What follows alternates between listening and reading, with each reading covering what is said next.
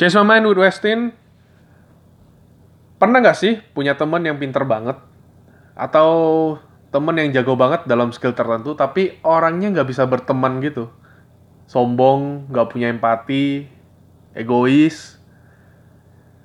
Pertanyaan gue kalau ada, ya udah nggak apa-apa, tetap aja temenan. Karena gue nggak tahu mungkin di balik sikap itu dia memang orangnya baik. Cuman cara penyampaiannya aja yang nggak bisa diterima dan kalian mengerti dengan itu ya udah nggak apa-apa it's okay. Tapi kalau gue pribadi kebetulan gue juga nggak gue nggak punya teman seperti itu. Karena gue merasa agak kurang cocok aja sih berteman dengan orang yang tidak memenuhi kriteria pertemanan.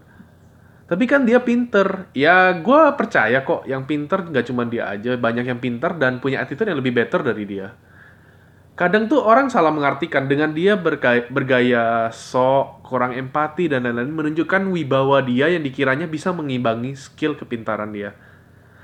Tapi ingatlah satu hal bahwa di atas langit masih ada Hotman Paris. Lo gak akan selamanya menjadi yang terpintar. Once people find better person with better attitude, lo bakal tergantikan. Karena apa? Because your skill didn't reinforced by your attitude. Gitu aja sih bagi gue nggak ada susahnya sih bersikap baik ke orang. Kemungkinan ya kemungkinan besar orang akan bersikap baik ke lu juga. Tapi kalau memang orangnya antipati dengan sikap baik lu ya udah is their loss. Setidaknya lu nggak seperti dia atau enggak setidaknya lu bisa ngertiin dia. Mungkin dia punya trauma or something I don't know. Selain itu juga percayalah di setiap lu bersikap baik ke orang dan orang memberikan respon yang baik dengan attitude lu itu akan menjadikan hari lu jadi lebih baik lu bakal lebih semangat belajar kalau lagi sekolah atau lu lagi kuliah lu bakal semangat kerja kalau lu udah kerja. Nah ngomong-ngomong soal ruang lingkup dunia kerja nih attitude does matter gak sih di dunia kerja? Bagi gua it's very important dalam dunia kerja karena terlepas dari berapa banyak pun knowledge yang lu miliki hmm, bagi gua sih gue lebih memilih orang yang bisa diajak bekerja daripada orang yang bisa bekerja sih. Dengan asumsi orang yang biasa bisa diajak bekerja berarti dia memiliki attitude yang baik dan dia memiliki niat untuk uh, belajar dan bahkan mungkin dia bakal mendapat knowledge yang melebihi orang lain punya gitu. Cuma memang di awalnya aja startnya mungkin knowledge-nya kurang gue masih memegang asumsi seperti itu sih. Karena attitude yang bagus tidak hanya mempengaruhi kinerja juga, namun mempengaruhi sinergi antar rekan kerja. Dan juga dapat menciptakan lingkungan yang lebih suportif sih dan sehat di dunia kerja. Kalian pernah gak sih ngalamin atau denger cerita temen kalian itu atau kalian ngalamin sendiri misalnya nih uh, kerja di tempat yang punya lingkungan yang toksik gitu yang punya atasan semena-mena atau punya rekan kerja yang suka apa ngomongin dari belakang ya suka julid lah suka julid gitu. Atau bawahan yang gak bisa dikasih tahu yang membangkang gitu. Ya itu semua kan dasarnya dari attitude yang buruk gitu. Coba coba coba ditanya dia mereka nyaman gak sih kerja di sana? Ya pasti cepat lambat pasti bakal cabut kok. Even pun ya mungkin dia bekerjanya di perusahaan yang ternama gitu. Tapi kalau gimana ya namanya orang kalau misalnya digituin terus maksudnya di lama-lama dalam lingkungan seperti itu ya cuma ada dua pilihan. Ya dia bakal keluar atau dia bakal ngeblend akan menjadi seorang yang sama di lingkungannya gitu.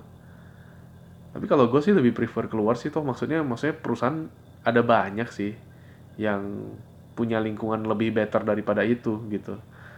Karena itu juga bakal mempengaruhi level stres lu gak sih dalam dunia kerja gitu? Karena kan gimana ya lu tuh udah stres nih sama pekerjaan lu masa lu harus dipusingin lagi sih sama hal-hal yang menurut lu seharusnya itu nggak perlu dipusingin gitu? Dari kayak ya pergaulan kayak uh, dari hasil julitan teman-teman kerja lu. Itu kan sebenarnya kalau memang alangkah baiknya kalau itu nggak ada itu akan bisa gimana ya pemikiran yang seharusnya lu pakai buat mikirin omongan-omongan mereka bisa lu pakai buat mikirin oh kerjaan gue bagusnya gimana nih? Untuk mengimprove diri gue sepertinya gimana nih? gitu. Gue lebih mikir begitu sih. Jadi uh, kalau memang lu ngerasa lu berada di suatu lingkungan yang eh di lu di berada di tempat kerja yang punya lingkungan seperti itu sih saran gue mending coba cari yang lebih bagus aja sih gitu. Maksudnya uh, kalau memang lu percaya dengan performance lu seharusnya lu bisa lah dapat perusahaan yang lebih baik gitu. Karena nggak bagus buat kesehatan mental lu gitu. Hmm, ada satu contoh lagi sih kalian pernah nggak sih dengar kasus viral tahun lalu? Ada orang yang fresh graduate terus nolak tawaran kerja dengan gaji 8 juta. Fresh graduate. Fresh graduate ditawarin gaji 8 juta dan dia tolak dengan alasan gue ini lulusan UI gitu. Ya terus kenapa? Maksud gue untuk gaji 8 juta fresh graduate itu udah gede banget. Dulu aja gue tahun 2015 dengan posisi fresh graduate gue cuma ditawarin gaji empat setengah juta dan menurut gue itu sudah gede lah menurut gue. Udah cukup lah untuk memenuhi kebutuhan gue gitu loh. Apakah itu, apakah dia menolak itu dengan alasan gengsi apa gimana? Gue juga nggak ngerti gitu. Coba let's say, let's say dia diberikan kesempatan nih untuk bekerja di perusahaan itu. Let's say dia masuk sebagai karyawan probation ya nggak menutup kemungkinan juga kinerjanya memang bagus. Memang dia orangnya pinter nilai akademiknya bagus dan ya oke okay lah maksudnya pekerjaannya bisa diselesaikan dengan baik. Tapi dengan attitude seperti itu pasti perusahaan akan memberikan catatan yang sangat ini sih important note sih untuk meluluskan dia dari masa probation. Pasti harus mungkin si top management bakal ngasih tahu ke atasannya kayak lo harus perhatiin ya ini orang attitude-nya seperti ini gitu lu bisa nggak bekerja dengan dia atau lu bisa nggak membuat dia menjadi lebih baik gitu? Pasti akan diberikan ini sih memberikan pertimbangan tentang masalah attitude-nya. Ya sayang aja sih maksudnya apa salahnya sih lu kan posisinya fresh graduate. Fresh graduate itu lu kan nggak punya pengalaman bekerja. Lu diberikan pengalaman bekerja di satu perusahaan aja itu tuh sudah suatu apa ya suatu kesempatan yang mungkin nggak semua orang bisa dapet Apalagi dengan gaji 8 juta gitu. Orang UMR UMR orang banyak yang diterima dengan UMR aja udah syukur banget gitu. Ya lebih lebih bersyukur aja lah harusnya. Kemudian attitude itu menentukan segalanya nggak sih? Kalau menurut gue sih ya bisa aja karena people will respect you if you have a good attitude. Dengan orang respect, sinergi kita dalam bekerja dengan orang lain akan lebih baik dan dengan begitu akan lebih gampang bagi kita untuk berkembang dan meningkatkan kinerja kita dalam dunia kerja. Even you are an expert without good attitude, I doubt that company will intentionally hire people with bad attitude and ruin their working environment. Di mana itu bisa memberikan dampak juga kepada uh, apa performance kerja karyawan-karyawan mereka dan juga ujung-ujungnya ke revenue company-nya. Ya kalau misalnya memang si perusahaan berpikir sampai sejauh itu sih, mereka pasti bakal mempertimbangkan. Ini orang bakal jadi toxic gak sih buat karyawan-karyawan gue? Maksudnya, ya memang sih dia punya skill, dia jago, tapi kalau dia nggak bisa mengkomunikasikan pekerjaannya dengan orang, dengan maksudnya dengan sesama karyawan di perusahaan gue, worth it gak sih gue hire dia? Worth it gak sih gue mengeluarin cost untuk gaji dia? Ya seharusnya sih perusahaan memikirkan sampai ke situ ya. Lebih tepatnya HRD sih, HRD perusahaan sih. Seharusnya maksudnya HRD memberikan catatan-catatan di situ karena kan eh, HR HRD itu kan apa ya, memang lebih concern ke personality-nya kan instead of the skill. Ya, memang skill tetap diperhatikan tapi tetap diperhatikan ini orangnya seperti apa sih kan memang banyak kan uh, lihat dari sisi psikologi seperti apa. Makanya ada psikotes dan lain-lain gitu. Seharusnya itu itu dijadikan catatan juga. Kalau memang ini orangnya oh uh, sosiopat misalnya atau kurang empati nih atau tidak bisa berkomunikasi dengan baik. Ya uj kalau ujung-ujungnya malah untuk merugikan perusahaan untuk apa di hire gitu ekstrimnya. Tapi kalau memang misalnya dia cuma berpotensi atau mungkin oh mungkin ini bisa nih dengan uh, environment kerjaan di kantor gua yang positif dia maka bakal pelan-pelan berubah. Itu bisa juga terjadi gitu. Jadi menurut gue sih ya perusahaan gue percaya sih perusahaan pasti bisa mempertimbangkan mempertimbangkan hal-hal itu sehingga bisa memutuskan untuk nge-hire si orang itu atau tidak. Gitu sih. Kalaupun memang uh, mereka blunder nih atau maksudnya kecolongan uh, udah nge-hire tapi ternyata pas udah masuk uh, ternyata attitude-nya tidak seperti yang diharapkan ya ya udah gitu. Paling mereka pasti bisa mungkin ngasih SP atau gimana kalau memang memberikan dampak yang merugikan perusahaan kan bisa juga gitu. Cuman kalau memang bisa dari awal mencegah untuk apa nunggu sampai harus ngobatin sih gitu. Ya nggak sih kemudian banyak juga yang ngecam sih kalau dari cerita yang ini ya yang apa? Yang nolak gaji 8 juta fresh graduate. Banyak yang ngecam tapi kalau kalau kita telaah lagi nih apa sih yang bikin orang punya bad attitude gitu? Maksudnya attitude seseorang itu ditentukan dari mana sih? Gue ngelakuin beberapa observasi dan gue bisa menyimpulkan bahwa yang pertama itu pasti dari latar belakang. Dari mana dia lahir di keluarga seperti apa besarnya seperti apa. Maksudnya dia menghabiskan waktu besar di keluarga seperti apa itu kan termasuk dari latar belakang dia nih yang membentuk karakter dia. Kalau memang dia tumbuh di keluarga yang suportif ya tentu dia bakal menjadi orang yang sangat uh, orang yang ini orang yang misalnya percaya diri atau mungkin orang yang eh, nggak uh, sombong gitu.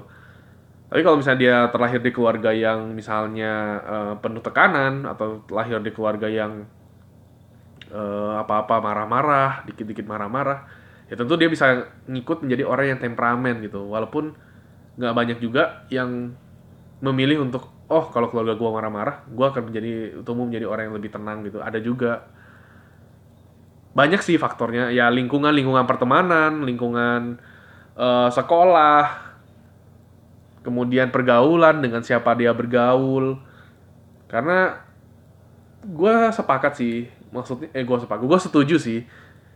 Uh, masa muda kita kan kebanyakan kita dipengaruhi oleh pergaulan ya. Kayak dari dari sekolah deh. Dari sekolah kita udah berteman dengan orang dengan eh, orang-orang uh, dari berbagai latar belakang yang berbeda. Dan tentunya kita juga nge-share apa ya nge-share pemikiran nge-share secara nggak langsung kita nge-share attitude kita ke mereka juga gitu. Dengan dampak either kita ngikut attitude mereka atau mereka yang ketarik dari kita. Atau bisa dua-duanya gitu. Kayak uh, ini sih topik yang kemarin gue bahas tentang berteman kalau kalian dengan ngikutin podcast gue di episode 2 itu gue ngebahas tentang berteman berteman itu harus milih-milih. Gue gue gue menganalogikan bahwa ber, berteman itu kayak uh, eh bukan gue gue ngeliat video tentang si ini video dari si Nas Daily. Dia menganalogikan bahwa berteman itu ibarat batu dan air. Memang di awal lu nggak mungkin berubah walaupun lu berteman sama teman lu tapi seiring berjalannya waktu lu berinteraksi dengan dia perlahan-lahan lu bisa ngikutin sifatnya dia atau mungkin dia bisa ngikutin sifat lu. Seperti analoginya sinas batu dan air. Lu sebagai batu temen lu sebagai air di awal-awal batu digerus sama air ya nggak bakal terjadi apa-apa tapi seiring berjalannya waktu batu yang digerus air bakal bisa berubah bentuk Begitu juga dengan air yang terkena serpihan batu itu. Jadi uh, kembali lagi ke attitude ya salah satu yang salah satu yang membuat batu berubah bentuk dan membuat air tercampur dengan serpihan batu ya attitude yang dibawa itu. Temen lu mungkin bisa ngikuti attitude lu dan lu bisa ngikutin attitude temen lu. Gitu sih. Kemudian selain pergaulan itu ada culture. Culture ya budaya lah. Budaya itu kan bisa tumbuh dengan kita dari kita lahir, dari kita besar, dari kita mungkin dari kita sekolah, kuliah, kerja itu juga mengaruhi karena karena kan kita menghadapi culture yang berbeda-beda kan sebenarnya. Kayak contoh kalau misalnya lu sekolah di sekolah internasional, ya culture lu ya mengikuti culture sekolah standar internasional berbeda dengan lu masuk sekolah negeri. Di mana culture-nya pasti ber, sangat berbeda gitu. Simpelnya ya kayak kalau lu masuk sekolah internasional ya culture lu bahasa bahasa bahasa utama lu ya bahasa Inggris biasanya kan. Dan uh, biasa orang ngomong uh, sesama temen juga bahasa Inggris ngomong sama guru bahasa Inggris. Tapi kalau misalnya lu besar di sekolah swasta biasa atau sekolah di negeri ya culture lu ya ngomong bahasa Indonesia seperti biasa gitu. Itu yang paling simple sih dan sebenarnya banyak lagi contoh yang lain. Cuman kalian ngerti lah ya dengan ilustrasi simple gua. Dan kemudian genetik. Nah genetik ini yang gue masih kadang agak bingung juga sih. Tapi di satu sisi gue menerima sih kayak pernah gak sih kalian dengar uh, anak yang temperamen gitu? Ternyata pas kalian selidiki lagi oh ternyata papanya juga suka marah-marah nih. Ini jangan-jangan nurunnya genetik ini. Sebenarnya sih uh, kalau kalau menurut gue lebih ke itu lebih masuk ke latar belakang gak sih? Karena kan anak si anak itu mungkin cuma besar sama bapaknya misalnya. Dan setiap hari dia ngelihat attitude bapaknya itu yang suka marah-marah dan dia, dan dia merasa bapak gue kan contoh gue nih role model gue nih. Kalau dia marah-marah ya berarti nggak salah dong kalau gue niruin dia gitu. Bener gak sih? Karena kalau genetik gini tuh kalau misalnya gue gue berpikir gini. Misalnya si anak lahir dari orang tua orang tua biologisnya ya. Lahir dari orang tua yang suka marah-marah nih. Tapi pas dia lahir orang tuanya meninggal misalnya. Dan dia di, dikirim ke panti asuhan. Pas masih kecil banget nih pas masih bayi. Tapi pas seiring berjalannya waktu dia kan besar di lingkungan panti asuhan. Let's say panti asuhannya punya lingkungan yang baik, yang maksudnya saling membantu sesama, nggak ada temperamennya sama sekali, nggak ada marah-marahnya sama sekali, nggak ada tekanannya sama sekali. Apakah si anak bakal tetap besar ngikutin sifat genetik dari orang tuanya atau dari lingkungan panti asuhannya gitu? Ini masih pro kontra sih. Soalnya uh, ada beberapa riset ya riset lah gua gua gua baca yang mengatakan uh, faktor genetik itu termasuk. Tapi bagaimana dengan kasus anak yang seperti itu yang lahir terus besar di pantai asuhan? Berarti dia nggak ngikutin sifat dari orang tuanya dong sebenarnya kan. nggak ngikutin ini kan attitude dari orang tuanya. Itu sih. Uh, eh, gue bakal balik ke topik sih. Kayaknya gue udah ngomong kepanjangan. Um, apakah attitude seseorang bisa berubah? Menurut gue bisa. Apakah dengan mengubah lingkungan atau pergaulan si orang bisa berubah? Uh, gini sih, menurut gue attitude apakah attitude seseorang bisa berubah? Bisa. Tapi apakah cukup dengan mengubah lingkungan atau pergaulannya, mengubah kulturnya? Gue rasa sih nggak bisa, nggak nggak belum tentu sih, karena gimana pun kalau lu lu misalnya mengubah dia mengubah apa sorry mengubah lingkungan mengubah pergaulan mengubah culture-nya si orang tanpa niatan dari diri dia sendiri dia nggak bakal bisa berubah.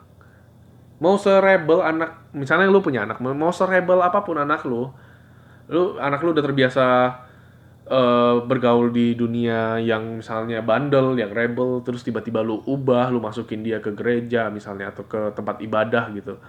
Lu masukin dia ke apa namanya lingkungan-lingkungan yang anak-anaknya baik-baik yang lurus-lurus saja lingkungan belajar misalnya ya kalau memang si anak nggak punya niatan untuk berubah itu akan sangat sulit. Dia malah bakal makin mencari cara untuk ini gak sih? Untuk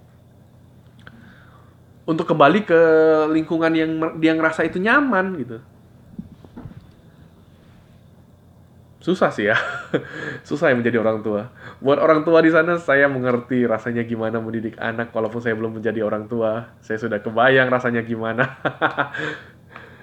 Uh, ya sih mungkin lebih tepatnya bisa di si an si an si orang lah si orang. Si orang ini bisa diberi pengertian dulu sih. Kayak coba lah diajak ngobrol apakah kenapa sih dia melakukan itu? Kenapa dia merasa nyaman dengan hal itu? Dan hopefully mungkin dia bisa berubah. Dari dia gini loh dengan dia ada niatan untuk merubah attitude dia pasti dia bakal ini gak sih? Dia bakal mencari sendiri gak sih? Lingkungan atau pergaulan seperti apa yang cocok untuk mengubah attitude dia instead of kita langsung nge-change dia punya pergaulan dia punya lingkungan kita paksa dia seret dia ke tempat ibadah kita seret dia ke lingkungan pertemanan yang bagus dia pasti bakal balik-balik lagi kok Tapi kalau berbeda ceritanya dengan dia punya niatan, eh kenalin gue dong ke lingkungan ini, kenalin gue dong ke orang-orang ini, gue mau, maksudnya gue mau tobat misalnya.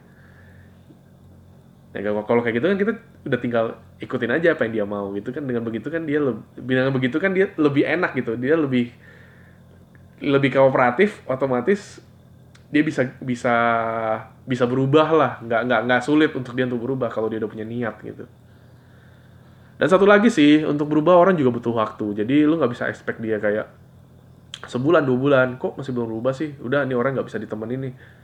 Ini orang nggak bisa berubah.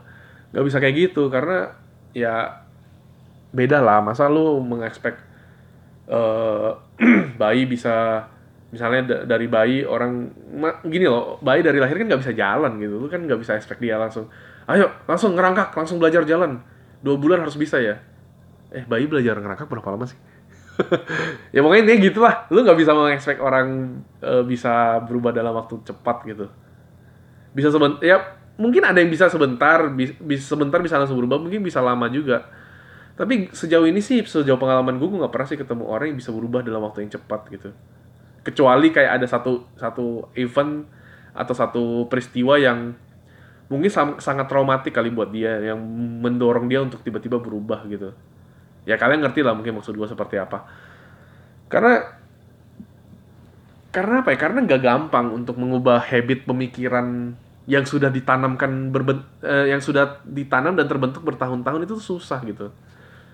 Ya kayak mindset dia yang kebiasaan dia biasanya misalnya minum-minum atau misalnya uh, menjadi sombong itu adalah sesuatu yang baik. Menurut pemikiran dia tiba-tiba uh, lu datang dan lu memutarkan pemikiran dia kayak sombong itu nggak baik tau gini gini gini gini ya nggak bakal masuk lah bakal pasti bakal mental gitu. Mungkin kalau ada peristiwa yang langsung menohok ke dia contohnya mungkin nih dengan dia sombong dia nggak diterima di perusahaan yang dia mau misalnya. Perusahaan yang dia sudah expect banget nih gue udah berharap mau masuk sini. Tapi ternyata dia nggak masuk dan somehow mungkin dia ngerasa apa karena dari sifat gue ya yang sombong ini? misalnya. Dari situ dia oh oke okay, mulai sekarang gue bakal berubah itu bisa sih terjadi perubahan dengan waktu yang cepat. Saya sebenarnya kembali lagi sih ke pribadi orang itu. Ya kalau mungkin kalian punya teman atau misalnya punya cerita yang ada teman kalian yang bisa dalam waktu cepat bisa berubah gini share aja ke gue mungkin ya gue bisa menambah referensi dari situ gitu. Hmm, bahas apa lagi ya? Mungkin cukup kali ya, udah cukup panjang kali ya gue ngebahas ini. Ya intinya akhir podcast, gue menarik kesimpulan bahwa tidak semua orang dengan attitude yang baik memiliki kinerja yang baik. Tetapi, setidaknya, orang dengan attitude yang baik akan berusaha untuk memberikan yang terbaik. Itu sih. Ya semoga bermanfaat. Sampai di sini aja podcastnya. Sampai ketemu di episode berikutnya. Bye.